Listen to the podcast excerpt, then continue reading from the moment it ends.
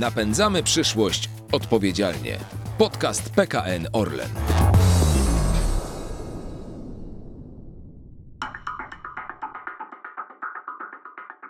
W poprzednim odcinku opowiadaliśmy, jak nowoczesne rozwiązania i usługi IT wspierają dekarbonizację tradycyjnego przemysłu, efektywność produkcji i zwiększają bezpieczeństwo infrastruktury.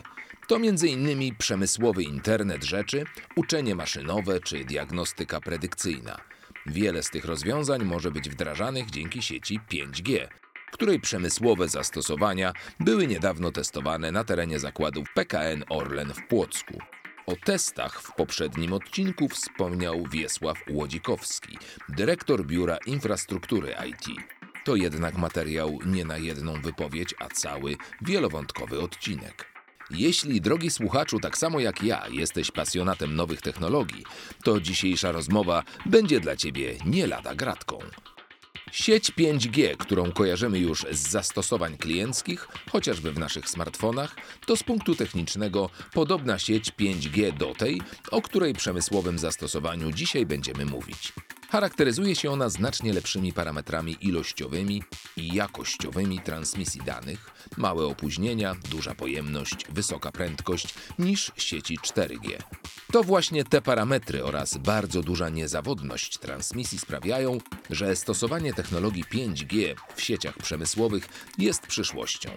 Nowoczesne zakłady produkcyjne będą musiały na szeroką skalę wdrożyć technologie i rozwiązania typu przemysłowy internet rzeczy, big data, sztuczna inteligencja czy chmury obliczeniowe, które aby mogły efektywnie ze sobą współpracować, będą musiały być połączone nową generacją mobilnych sieci telekomunikacyjnych, czyli na przykład sieci 5G. Tylko nowa klasa sieci pozwoli w czasie rzeczywistym korzystać z ogromnej ilości danych spływających z urządzeń pomiarowych, sensorów i maszyn produkcyjnych, których dzisiaj z racji ograniczeń technicznych, biznesowych nie można było opomiarować za pomocą standardowych, stałych połączeń kablowych. Panie Wiesławie, czy 5G to faktycznie aż taka rewolucja? To jest kompletnie inny, inny świat. Generalnie Orlen jako nowoczesne przedsiębiorstwo jest, e, już jest w procesach cyfryzacyjnych zaangażowany. To, że wykorzystujemy technologie e, cyfrowe i stacjonarne, to pozwala nam e, już realizować ten proces transformacji.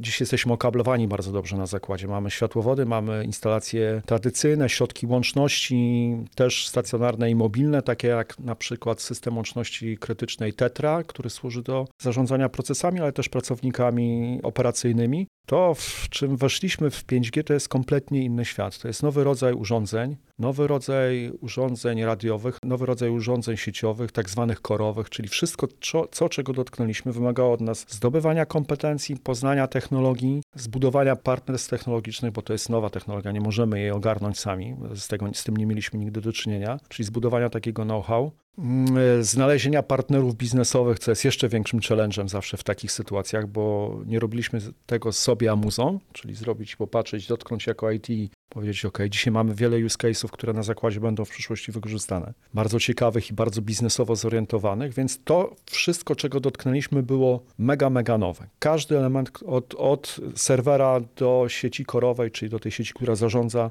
siecią 5G, do anteny, którą na dachu zamontowaliśmy, która jest po pierwsze na okres testów naszą anteną, bo dzisiaj korzystamy z, z usług operatorów telekomunikacyjnych, więc infrastruktura e, ta łączności telekomunikacyjnej jest nie nasza, jest na utrzymaniu i obsługiwana przez telekomy, a my tutaj dotykamy w pewnym sensie też jako taki operator już, czyli montujemy te anteny, budujemy okablowanie, budujemy architekturę, rozmawiamy z dostawcami, więc kompletnie wszystko nowe. Tak, nowe doświadczenie dla ludzi, wielki challenge, fajne wyzwanie. PKN Orlen jako pierwszy w Polsce i jeden z nielicznych w Europie zakończył testy prywatnej, przemysłowej sieci 5G, uruchomionej w otoczeniu realnej infrastruktury produkcyjnej. Zastosowane rozwiązania mogą stać się w przyszłości wsparciem dla prowadzonych procesów biznesowych we wszystkich obszarach działalności koncernu, w tym petrochemii czy energetyce ze źródeł odnawialnych. Testy zostały przeprowadzone na terenie zakładu produkcyjnego w Płocku oraz pobliskiej stacji paliw. Na prowadzenie testów w realnym środowisku zaawansowanej infrastruktury przemysłowej PKN Orlen otrzymał czasowy przydział częstotliwości radiowych oraz zgodę Urzędu Komunikacji Elektronicznej. Projekt ten wpisuje się w strategię Orlen 2030, w ramach której realizowany jest program digitalizacji koncernu. Okej, wróćmy do rozmowy.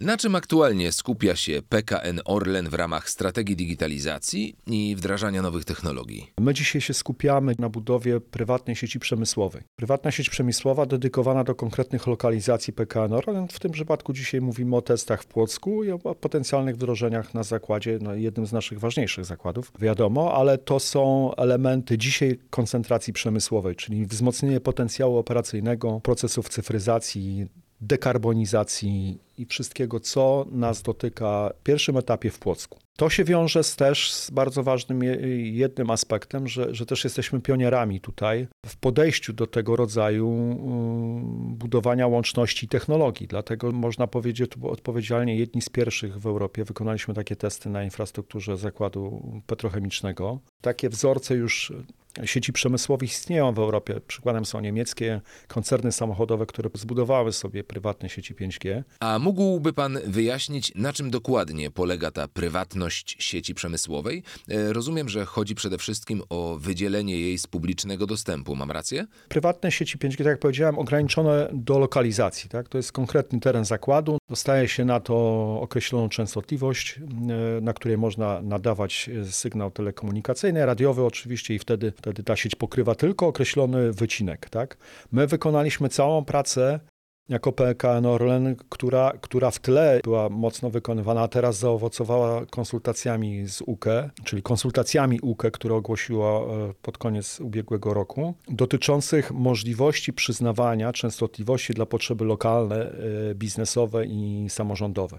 Dzisiaj biorcami częstotliwości są tylko telekomy. Tak? To są aukcje częstotliwości, w których oni startują do, do przetargu i, i wygrywają na przykład pasmo częstotliwości, za które płacą e, administracji i mogą ją wykorzystywać do, dla telefonii. My poruszyliśmy cały proces myślowy, pokazaliśmy, że można po pierwsze to zrobić, że warto, że, że można osiągać cele biznesowe, podnosić bezpieczeństwo i zainicjowaliśmy taki proces myślowy, zróbmy to samo w Polsce, jak, jak, jak na przykład w Niemczech, czyli niech państwo, w tym przypadku UKE jako regulator, rozdziela częstotliwości na potrzeby lokalne z jakiegoś zakresu częstotliwościowego. W tym przypadku jest to pasmo o częstotliwości 3-4 GHz, blok zerowy tak zwany i niech je rozdziela w taki sposób, że każdy, dosłownie każdy zakład produkcyjny, przedsiębiorca, instytucja, samorząd może taką częstotliwość lokalnie brać na swoje potrzeby. Oczywiście płacąc za nią odpowiednie pieniądze, biorąc zobowiązanie, że wykorzysta tą sieć, a nie kupi tylko, żeby ją po prostu mieć. A dlaczego nie wykorzystywać już istniejącej infrastruktury, która de facto istnieje, bo została zbudowana przez operatorów?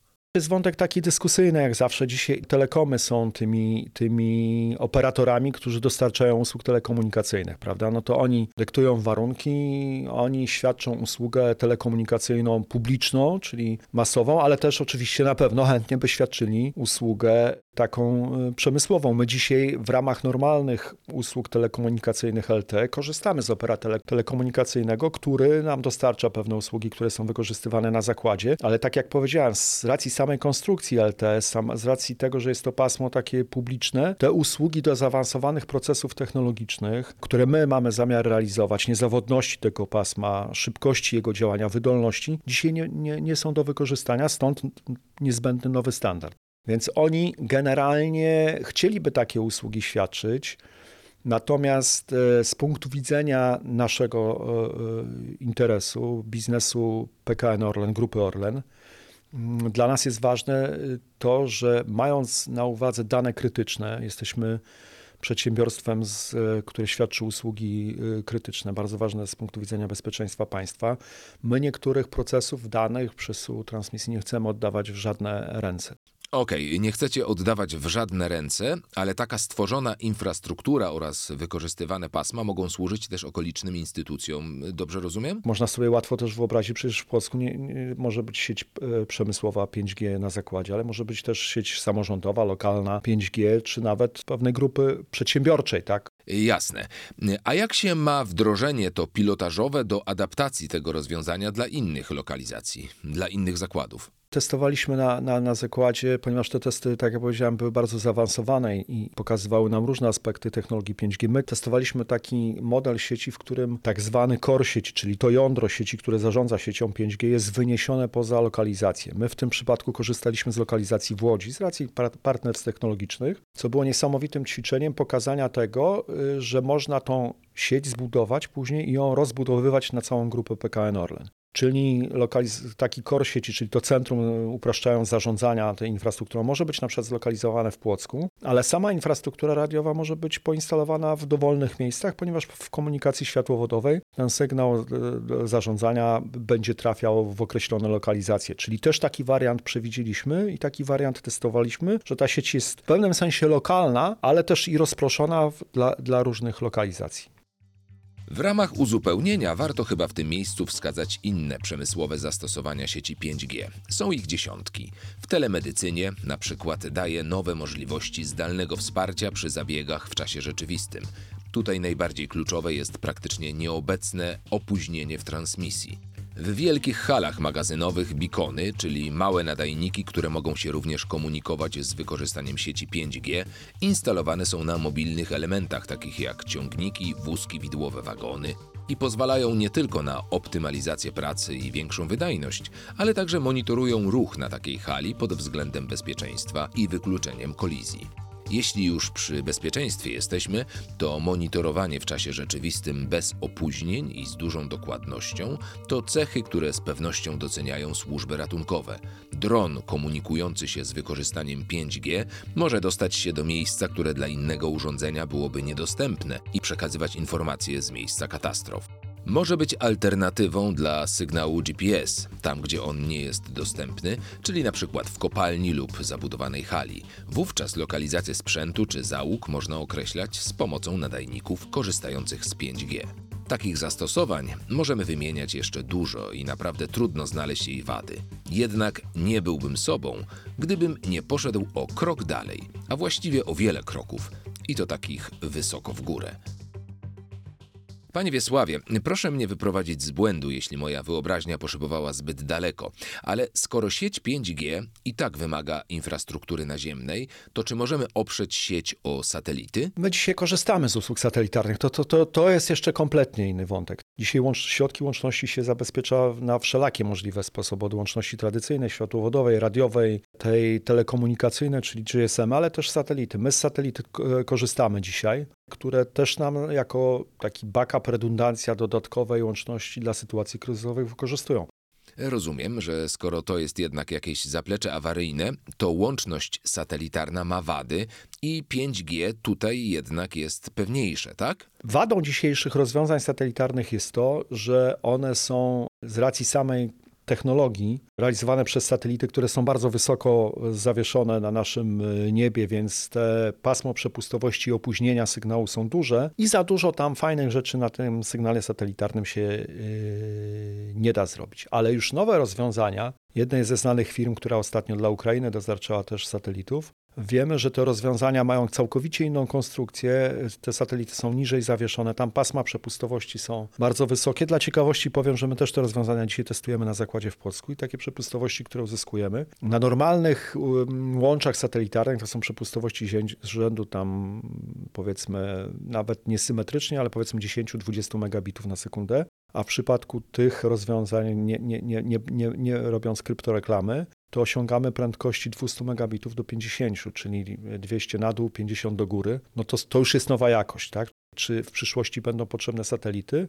Jeżeli będą spełniały takie warunki, że ten sygnał i pasmo będzie dobrej jakości o wysokim parametrach SLA, to na pewno będą wykorzystywane. Okej, okay, to schodzę już na ziemię. Proszę podzielić się z nami informacjami, jak wyglądały testy sieci 5G, jakie były trudności, bo wyobrażam sobie, że ingerencja w aktualną infrastrukturę z pewnością była wyzwaniem. Testy sieci 5G na zakładzie to nie tylko radio, bo, bo radio było potężnym challenge'em, ponieważ jest to mnóstwo blachy, mnóstwo rur, mnóstwo zanikania sygnału, mnóstwo dostrajania do, na, na tak zwanych test drive'ach, których, których y, badaliśmy zakład zakład w całej powierzchni, to, to, to wychodziły przedziwne różne rzeczy i niesamowite ćwiczenie dostrajania tej sieci, doświetlania sygnałem i tak dalej. To drugą ważną rzeczą dla nas były testy produktów i usług, czyli tego, co na tej sieci można zrobić, co można postawić i wykorzystać. Najważniejszym elementem w tym wypadku to były testy łączności krytycznej, dlatego że y, my mamy taką strategię myślową, że z łączności analogowej, w zasadzie cyfrowej, którą wykonujemy, z łączności Tetra, którą wykorzystujemy dzisiaj w grupie naszej y, PKN Orlen, y,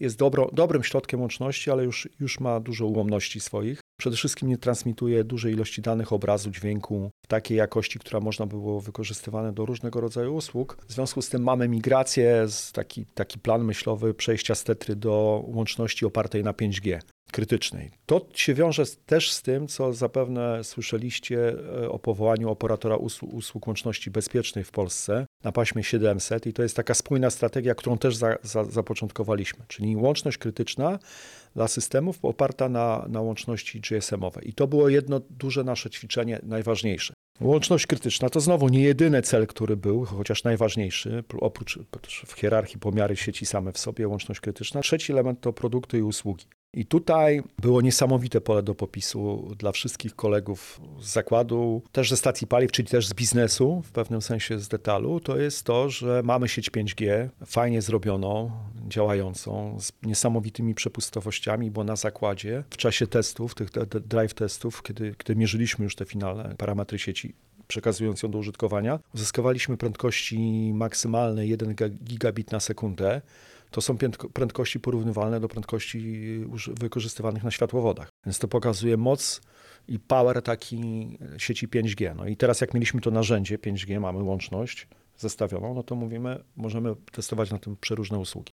Stwierdzenie łączność krytyczna pojawiało się już kilka razy.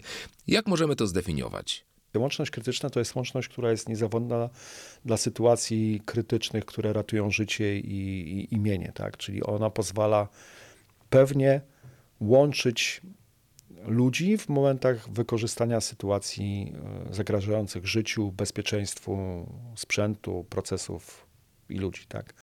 Łączność krytyczna w 5G to już jest troszeczkę inna wątek, albo łączność krytyczna wykorzystująca elementy IP to jest taka, która pozwala przekazać dane krytyczne wideo i E, dane wideo i, i dane obraz. Można to sobie łatwo wyobrazić. Nawet dam przykład taki z życia wzięty. Jeżeli dzisiaj służby ratownicze wykorzystują łączność na przykład Tetra, czyli jadą na jak, jakieś e, akcje, czy, czy wykonują pewne czynności operacyjne. Przy łączności krytycznej, takiej standardowej, mają tylko łączność głosową push to talk, czyli mówią, słuchają w grupie i wszyscy się słyszą. W przypadku takich samych systemów na łączności 5G można temu wykorzystując, osobie wykorzystującą tę łączność przesłać mapę, przesłać lokalizację zdarzenia, wskazać, w którą stronę może się udać. Można mu pobrać jego lokalizację i wskazać, stworzyć mapę w takim war roomie, gdzie kto się znajduje, jak zarządzać zasobami, gdzie przemieścić samochód, gdzie strażacy powinni się odsunąć, albo służby ratownicze. To są kompletnie dwa światy. Na pewno dla sytuacji krytycznych jest ważne to, żeby łączność działała niezawodnie, bezpiecznie i była pewnym, czyli ufamy temu, że mamy ten telefon, że jak on upadnie, bo to też są specjalne obudowy do tego, specjalna konstrukcja tych telefonów, to, że działa, to, że jego bateria w przypadku, że jest na mrozie, szybko się nie wyczerpie, albo że jak za ciepło się nie stopi. Okej, okay kończymy już z tymi definicjami. Czy może Pan podać jakiś przykład, z którego wyników takiego testowania jest Pan szczególnie zadowolony? Tutaj się zrodził kolejny cel testów i taka myśl, która przyświecała wszystkim w ogóle działaniom, które tam były wykonywane, to wykorzystanie technologii Video Access Sensor, czyli wykorzystania kamery wideo z obrazem wysokiej rozdzielczości 4K, 8K lub wyżej do analizy zjawisk i wyciągania z tego wniosków, tak krótko mówiąc. Czyli obserwujemy obraz, co dzisiaj nie jest oczywiście jakąś takim elementem w przypadku, chociaż mamy face e, recognition w telefonie, czy, czy numery pojazdów, no to są proste mechanizmy zaszyte w urządzenia, ale jeżeli już idziemy wyższe warstwy, gdzie musimy jakąś logikę wyciągać, e, detale, pewne takie uczenie maszynowe wykorzystać, to się okazało, że po pierwsze ta technologia się doskonale sprawdza, bo, bo parametry jakościowe pozwalają przesłać sygnał 8K, który jest ciężkim sygnałem w kontekście wielkości pliku, pasma w czasie rzeczywistym przesłać do serwera i go przeanalizować w czasie rzeczywistym, okazało się idealnym rozwiązaniem i, i kierunkiem przyszłościowym, że zamiast okablowywać wiele rzeczy, tak jak to dzisiaj robimy, zamiast realizować mnóstwo czujników, które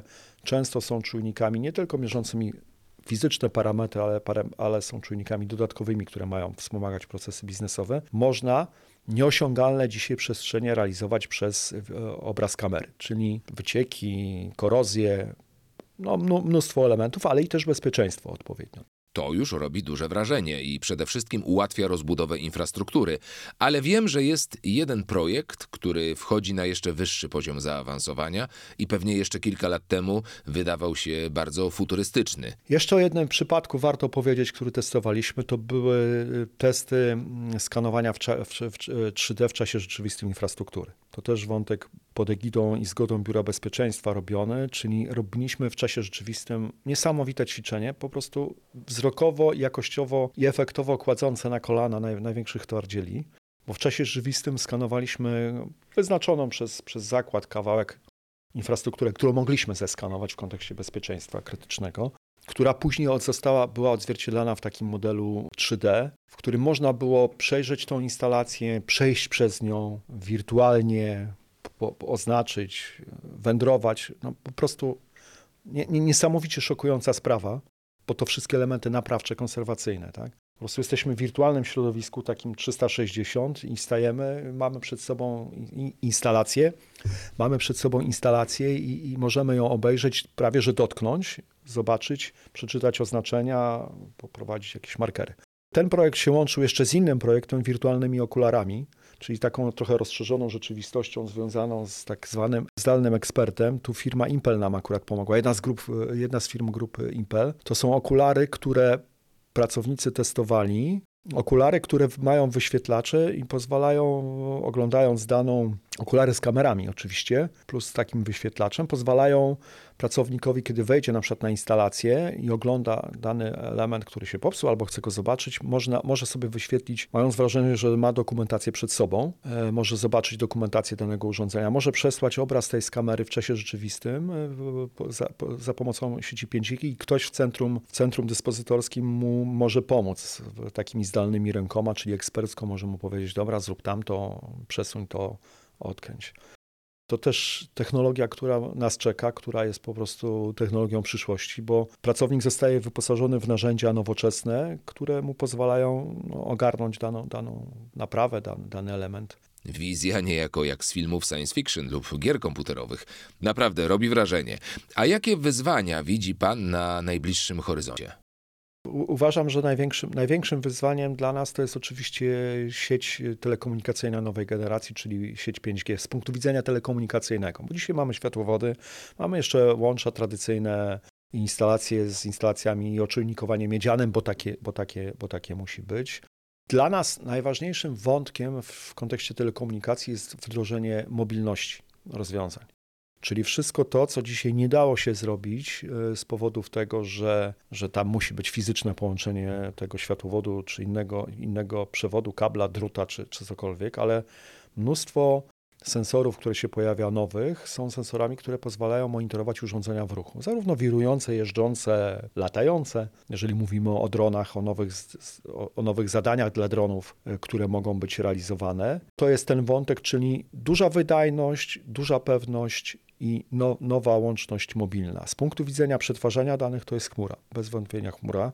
Chmura, od której nie uciekniemy. Tak? My dzisiaj y, do chmury podchodzimy z różnych względów bardzo, albo podchodziliśmy, albo podchodzimy jeszcze trochę, bardzo ostrożnie, z punktu widzenia tego, że nasze dane są swego rodzaju danymi krytycznymi też. Także to jest drugi, drugi challenge, który jest e, moim zdaniem ważny. A trzeci, jeżeli tylko do trzech się ograniczymy, to jest sama zmiana mentalności i podejścia do procesów cyfrowych, czyli do wykorzystania narzędzi cyfrowych. Bo wykorzystanie narzędzi cyfrowych to jest nie tylko zmiana samych procesów w sobie, ich optymalizacja, ich efektywność, ale też inne podejście ludzi do wykorzystywania tych narzędzi. Bo, bo cyfryzacja też wymaga pewnego rodzaju inny y, sposób myślenia, chociażby w kontekście wykorzystywania tych narzędzi, które dzisiaj są wykorzystywane lub nie, w zależności od potrzeb. Cyfryzacja narzuci pewne zachowania, będziemy musieli być blisko tych urządzeń w kontekście takim, że, że dzisiaj no, nie rozstajemy się z przysłowiowym smartfonem z różnych przyczyn, od rana do nocy. W przypadku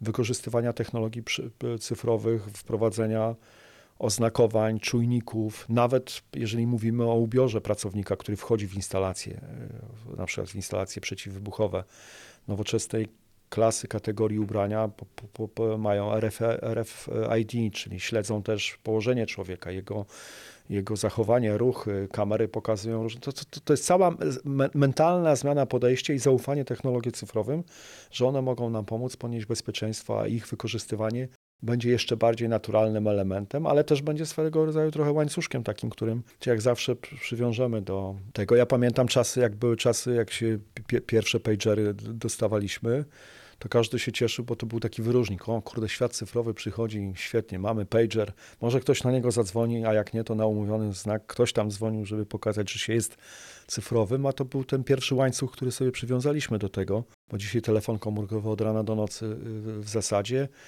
i to też jest męczące, to jest niedobre. W przypadku procesów cyfrowych, no można sobie wyobrazić, że to, to te narzędzia tym bardziej do nas przyjdą jeszcze bliżej. Y, komunikacja krytyczna po 5G przyniesie nam komunikację z zasięgu zakładu, przeniesie ją nam też do domu, przeniesie ją dalej, bo będziemy cały czas w tym systemie ekołączności, więc to wymaga dużej zmiany ale też i edukacji. Fajne jest to, że, że, że, że pracownicy PKN y, widzą w tym, przynajmniej z tymi, którymi mieliśmy do czynienia dzisiaj w obrębie testów sieci 5G, które były rozległą przestrzenią, bo my zaangażowaliśmy też do tego spółki i z e, Energa Operator, Enspirion, EIT, to są ludzie, którzy widzą w tym potężny potencjał i, i tą wiedzę rozlewają i to zaangażowanie Cieszę się, że poruszył pan ten czynnik ludzki, e, bo to ludzie stoją za technologią. Chyba tylko w mrocznych wizjach technologia przejmuje autonomicznie rolę i będzie decydować o wszystkich procesach samodzielnie.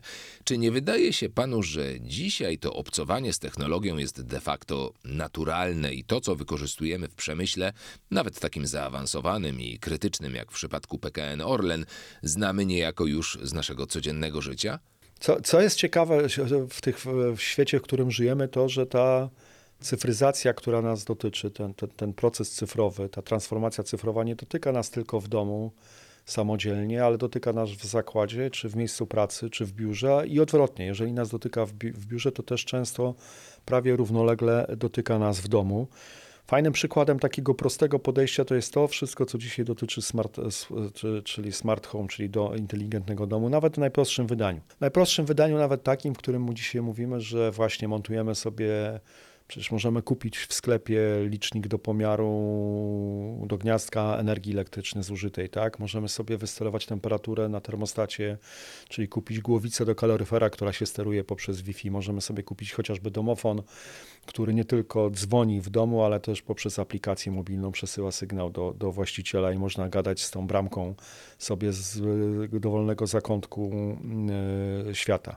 I te procesy domowe, cyfrowe, już nie mówię o telewizji cyfrowej, o, o o, o, portalach, o, o, o całym tym świecie, dzisiaj są w podobnym, w podobnym aspekcie realizowane w miejscu pracy. Tak? Jeżeli mówimy dzisiaj, że montujemy sensor IoT na zakładzie, to, to, to, to on jest sensorem, może być specyficznym oczywiście z punktu widzenia procesu, który obsługuje i na pewno nie jest takim samym jak w domu. Ale z punktu widzenia funkcji, którą ma wykonać, czyli ma poinformować użytkownika o określonych parametrach, jego istota jest ta sama. Oczywiście przetwarzanie, przetworzenie danych w domu w kontekście tego, że wiem, ile prądu zużywam, wiem, jaką temperaturę średnią mam w miesiącu wiem, ile razy kto mi dzwonił do przysłowiowego dzwonka do drzwi, jest pewnym zakresem też swego rodzaju analityki danych, czyli, czyli tego, co robimy w domu na naszym poziomie i na naszym wątku to, co jest potrzebne. Jeżeli teraz przenosimy się myślowo sięgamy do komputera z pracy i czytamy dane e, finansowe, księgowe, SAP-a, produkcyjne czy inne, no to mamy wyobrażenie, że te procesy są w pewnej konstrukcji akwizycji danych, czyli ich zbierania, oczywiście bardziej zaawansowanego przetwarzania zbieżne. I to jest fajne dla procesu transformacji cyfrowej, że nie jest tak, że dzisiaj mam narzędzie, a później dostaję w pracy narzędzie inne, które jest kompletnie dla mnie niezrozumiałe, albo się go boję, albo go nie dotknę. Tak? Dzisiaj to wszystko, co z domu przenoszę, albo odwrotnie, to co z pracy przenoszę do domu, w pewnym sensie ułatwia nam tą synergię, czyli praca-dom. Telefon komórkowy, zaawansowany smartfon, wiele mechanizmów. W pracy, jeżeli ten sam smartfon przejmuje funkcję albo inny przejmuje funkcję łączności kryzysowej, dla mnie to jest żadna różnica. On jest ciągle w tej samej przestrzeni dla mnie poznawczej. Jeżeli korzystam z zaawansowanych elementów analityki danych, to w domu, jeżeli pracuję na przysłowiowym Excelu czy na jakimś tam prostych mechanizmach, liczę swój budżet, albo chociażby te proste dane sobie koreluję, żeby wyciągnąć wnioski, ile płacę za prąd i za wodę. Podobnie jest w pracy, jeżeli korzystam z elementów baz danych czy hurtowni danych, no to uzyskuje wynik przetworzenia czegoś innego. Czyli te, ten cyfrowy bliźniak, który się tworzy taki w synergii domowej, uważam, że jest fajny i bardzo pomaga, pomaga w budowaniu tego przyszłego procesu transformacji. To chyba idealna puenta. Z pewnością optymistyczna i pokazująca, że świat technologii przenika do naszego życia i nawet technologie te najbardziej zaawansowane są na wyciągnięcie ręki każdego z nas. Przeskok technologiczny zlewa nam się w ciągły proces, którego nie zauważymy, jeśli nie zatrzymamy się i nie spojrzymy wstecz, porównując nawet kilkuletnie różnice technologiczne wokół nas. Mam nadzieję, że niedosyt, który przynajmniej u mnie pojawił się w poprzednim odcinku, został zaspokojony przez pana Wiesława. To już wszystko na dziś. Nie zapomnij o subskrybowaniu tego podcastu w Twojej ulubionej aplikacji. Do usłyszenia.